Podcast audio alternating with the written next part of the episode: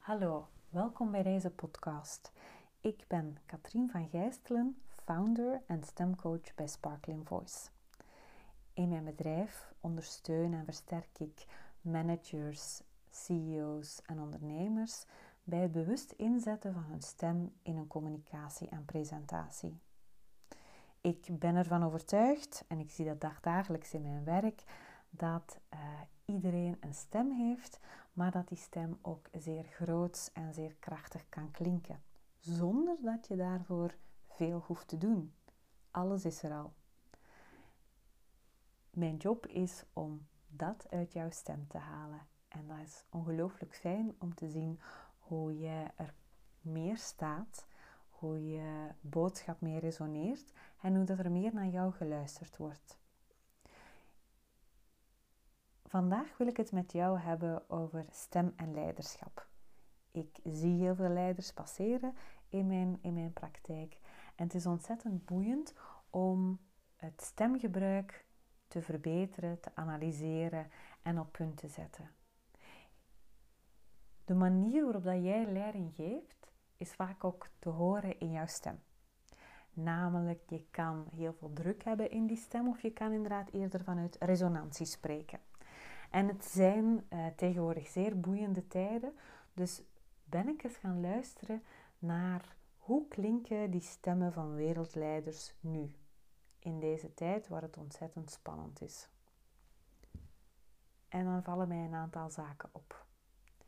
1. Je hebt te maken met een leider die um, heel de wereld onder druk zet op dit moment. Dat kan je horen in zijn stem. Stem klinkt inderdaad eh, onder druk, namelijk ademdruk. Ik probeer hier nu heel krachtig en heel daadkrachtig over te komen door heel veel druk te zetten op mijn stem. Doet hij niet bewust natuurlijk, maar komt wel mee. Op die manier gaat jouw stem luider klinken, lijkt het steviger, ga je hoger in uh, toon, maar ga je ook scheller en scherper klinken. Want heel technisch gezien, die klank blijft plakken achteraan tegen jouw gehemelte. En wordt er, uh, woorden worden er als bommetjes echt uitgeduwd. Dit, zijn, dit is een manier, dit is een stem die vooral in communicatie de ander onder druk zet. En dat is exact wat, hè, we hebben het hier over Poetin, wat Poetin op dit moment wil bekomen, namelijk de ander onder druk zetten. Dit is ook een stem die op lange termijn geen gehoor vindt. Dit is een stem waarvan oren zich automatisch zullen sluiten, omdat wij niet houden van hoge tonen, scherpe klanken. Als ik in mijn workshops vraag uh, hoe, welke stemmen vind je aangenaam, naar welke stemmen luister je, dan zijn dat heel vaak zachte, warme stemmen. En dan komen we bij het volgende. Want kan zo'n zachte, warme stem toch ook dezelfde kracht uitstralen dan zo'n hoge, scherpe, luide stem? Mijn antwoord is ja. Maar het gaat dan niet zozeer over uh, druk op die stem, maar wel je presence, je aanwezigheid, je eigenaarschap, je leiderschap vergroten. En dat doe je door vooral die druk weg te nemen van de stem en veel meer vanuit resonantie. En resonantie zijn de vibraties in jouw stem, de frequenties in jouw stem, om die uit te breiden. Namelijk hoe minder druk op die stem, hoe meer ondertonen er komt in jouw toonhoogte. En vanuit die ondertonen ga je plots automatisch luider klinken, ga je veel meer aanwezig zijn en gaat de ander niet om jou heen kunnen. Alleen zet je daardoor wel niet de ander onder druk, wat die hoge scherpe tonen wel doen. Krijg je inderdaad, als je iemand onder druk zet, krijg je op korte termijn als leider wel wat je wil, maar duurzaam is het niet. Als je echt voor duurzame, uh, langtijdige oplossingen wil, voor mij is dat ook duurzaam leiderschap, dan ga je veel meer inzetten op die aanwezigheid, op die presence, op die resonantie in jouw stem. En dat was zeer boeiend de voorbije week, waarbij dat kort na de aanval een aantal reacties kwamen uit de wereld. En dan hoorde je dat bij heel veel wereldleiders die stemmen plots ook onder druk gingen staan.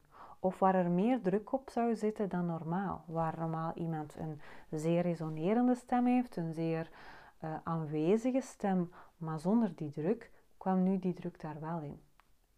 Logisch, mogelijk hè, zit daar een emotionaliteit op, uh, zit daar ook wel wat schrik in.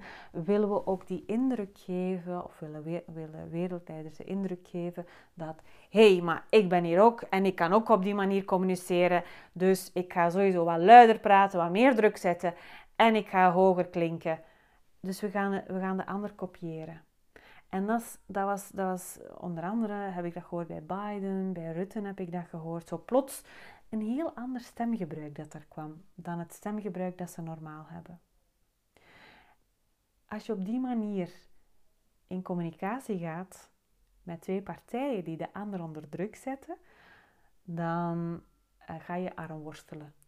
Dan is het inderdaad gewoon niet echt verbindend dat je communiceert, dan ga je, ik wil dit en ik wil dit en ik wil dit en ik wil dit. En dan ga je als de ander nog luider en hoger gaat praten, dan ga je er nog boven en ik ga er nog boven en ik ga er nog boven. En uiteindelijk, wie wint? Degene met het, met het meeste macht, degene die het sterkst is, die wint.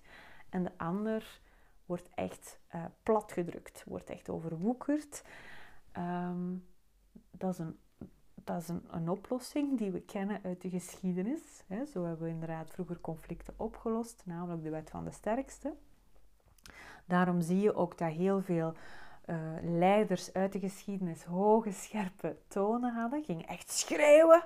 Schreeuwen is echt korte termijn denken. Op lange termijn win je daar niemand mee. Integendeel, je publiek gaat, gaat lopen, je gaat anderen onder druk zetten, je gaat schrikbewind voeren.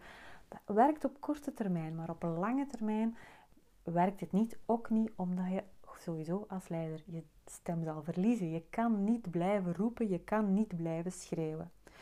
Dus ik vond dat zeer boeiend om te zien dat de eerste reactie van een aantal leiders op druk ook druk was. Druk zet druk, ik zet ook druk, tegen druk.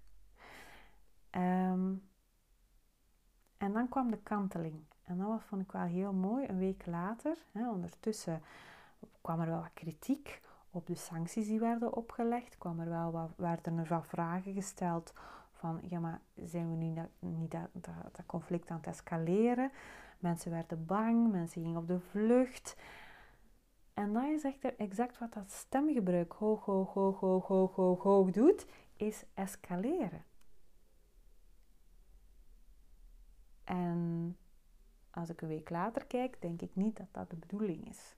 dat, we, dat, we het hoog, dat we het hoog laten komen. Sterker nog, we hebben in het Westen toch een cultuur ontwikkeld van overleg, compromissen zoeken, onderhandelen. Daar hoort een ander stemgebruik bij. En dat stemgebruik hoorde ik onder andere bij premier De Croo deze week, die ehm, eerder geruststellend wilde spreken en daardoor terug veel meer in de diepte ging, in de laagte ging, veel meer tijd nam om te spreken. En dan krijg je veel meer resonantie. Dat zijn stemmen die veel meer gehoor winnen, omdat we houden van lage ondertonen, warme tonen, sprankelende stemmen. Dat vinden we fijner. Die vinden veel meer toegang in ons gehoor, in ons systeem, dan luide, scherpe, schelle tonen. Dus ik vind die omschakeling heel mooi. Nu natuurlijk, in, in dit conflict zit je met iemand die de ander onder druk zet. Hoe ga jij dan als een onderhandelaar mee aan de tafel zitten? Je kan, hè, uh, je kan zoals wat de eerste reactie was, de ander onder druk zetten. Dus ook hoge, scherpe, schelle tonen gaan gebruiken of je kan, voor mij is dat ook autoritair leiderschap, of je kan kiezen voor dat duurzaam leiderschap. En dan is het eigenlijk blijf in jouw kracht staan. Zet de ander niet onder druk, ga de ander niet overtuigen, maar vergroot jouw aanwezigheid. Neem jouw ruimte in. Laat jouw stem spreken, zonder de ander onder druk te zetten. Maar zorg dat jij, en, en dat laat ik ook horen in jouw stem, dat je stevig staat. En hoe toon je dat dan, of hoe laat zich dat horen in een stem? Dat zijn vooral een stem die present klinkt, die klaar is, die voldoende diepte en warmte heeft en die op die manier laat horen: ik ben hier. Een onderhandeling zal op die manier wel veel meer tijd en ruimte in beslag nemen. Maar je krijgt op lange termijn wel een oplossing die veel duurzamer is dan wanneer je de escalatie hoog, hoog, hoog, als je die kiest voor die vorm, waarbij je op korte termijn mogelijk een, een, een verovering wint, maar op lange termijn zal dat conflict opnieuw oplaaien. Waarom doen we dat? Waarom gaan we hoog spreken? Dat is misschien ook nog een interessante. Um, dat is eigenlijk in de geschiedenis zien we dat terugkomen. Hè? Hoe, hoe ontwikkel je een bepaald stemgebruik? Je kopieert dat gewoon van degene die het voor jou hebben gedaan. Hè? Als kind leer je woorden aan en klanken maken, maar hoe je jouw stem gebruikt, kopieer je van degene die jou uh, leren spreken. Vandaar dat jouw stem in een andere taal ook iets anders klinkt, omdat je dat meestal van andere mensen hebt gehoord. Dus in onze geschiedenis hebben we geleerd namelijk dat als je krachtig wil overkomen, dat je dan inderdaad luid, dat je veel druk zet, dat je inderdaad zorgt dat je er staat, dat je op die manier communiceert. Dat is wat we in de geschiedenis hebben gezien en geleerd. Dat hebben we eigenlijk altijd gekopieerd. En dat zie je ehm, heel vaak in politieke milieus nog terugkomen. Ook al hebben we die cultuur van uh, onderhandelen, overleg en compromissen sluiten. Ehm, op het moment waarbij dat, uh, we politica kunnen zien, of als polit, politi politica, politici, pardon, uh, wanneer politici met elkaar communiceren, dan is het toch nog altijd steeds van ik zet de ander onder druk. Ik zet de ander onder druk door op de man te spelen en niet op de bal. Door de ander te overtuigen. Door inderdaad ervoor te zorgen dat ik wat luider word. Dat is wat we zien hè, als we, als we uh, politici onderling zien communiceren. Is niet onlogisch, want vaak is er weinig tijd om, zich, om, om een stem te laten horen, om zich te laten zien. De regeerperiode zorgen er ook voor dat je op korte termijn heel veel moet verwezenlijken. Dus ons politiek systeem zet de stemmen van de politicus onder druk. En dus vandaar dat we blijven dat in stand houden, namelijk dat uh, die oude manier, de oude manier van communiceren. Nieuwe manier van communiceren is dat je veel meer ruimte neemt, ruimte geeft, dat je veel meer vanuit die resonantie en vanuit, vanuit die resonantie ook connectie maakt met jouw publiek. Hoe kan jij dat nu inzetten? Stel dat jij ehm, ook in een onderhandeling zit, of dat, je, of dat dan nu met een leverancier is, of een vakbond, of een werknemer, of een team, whatever. Um, wees dan eens bewust van, van jouw stem. voel je inderdaad dat er druk komt op jouw stem? Ben je degene die snel gaat praten, die wat hoger gaat praten, die wat luider gaat praten? Die als er zeker in onderhandelingsgesprekken die wat druk zet op de ander? Of ben jij diegene die inderdaad veel meer tijd en ruimte neemt en vanuit een gezamenlijke resonantie, een gezamenlijke connectie daar uh, op lange termijn oplossingen zoekt? Ben jij diegene die vooral vanuit rust communiceert, die alle registers opentrekt, die het alle potentieel uit jouw stem haalt, die ruimte neemt, die present, die is en presence heeft? Welk soort leider ben jij? En waarom is dit nu interessant? Als je weet welk soort leider jij bent en je luistert naar de stem van diegene die aan de andere kant van de tafel zit, dan kan je daar jouw communicatiestrategie op afstemmen. Dan weet je hoe de ander communiceert. Zijn de bedoelingen, wat zijn de bedoelingen van degene aan de, aan de overkant? Is dat iemand die mij onder druk wil zetten of is dat iemand die duurzaam wil communiceren en een duurzame relatie met mij wil opbouwen? En hoe ga ik daarmee om? Hoe speel ik daarop in? Er is nog heel veel meer te zeggen over stem en leiderschap. Ik heb er ook al over geschreven, dus die teksten kan je terugvinden op mijn website. Ben je benieuwd naar meer? Kijk dan eens in het aanbod van Sparkling Voice en laat jouw stem horen. Fijne dag. tot een volgende.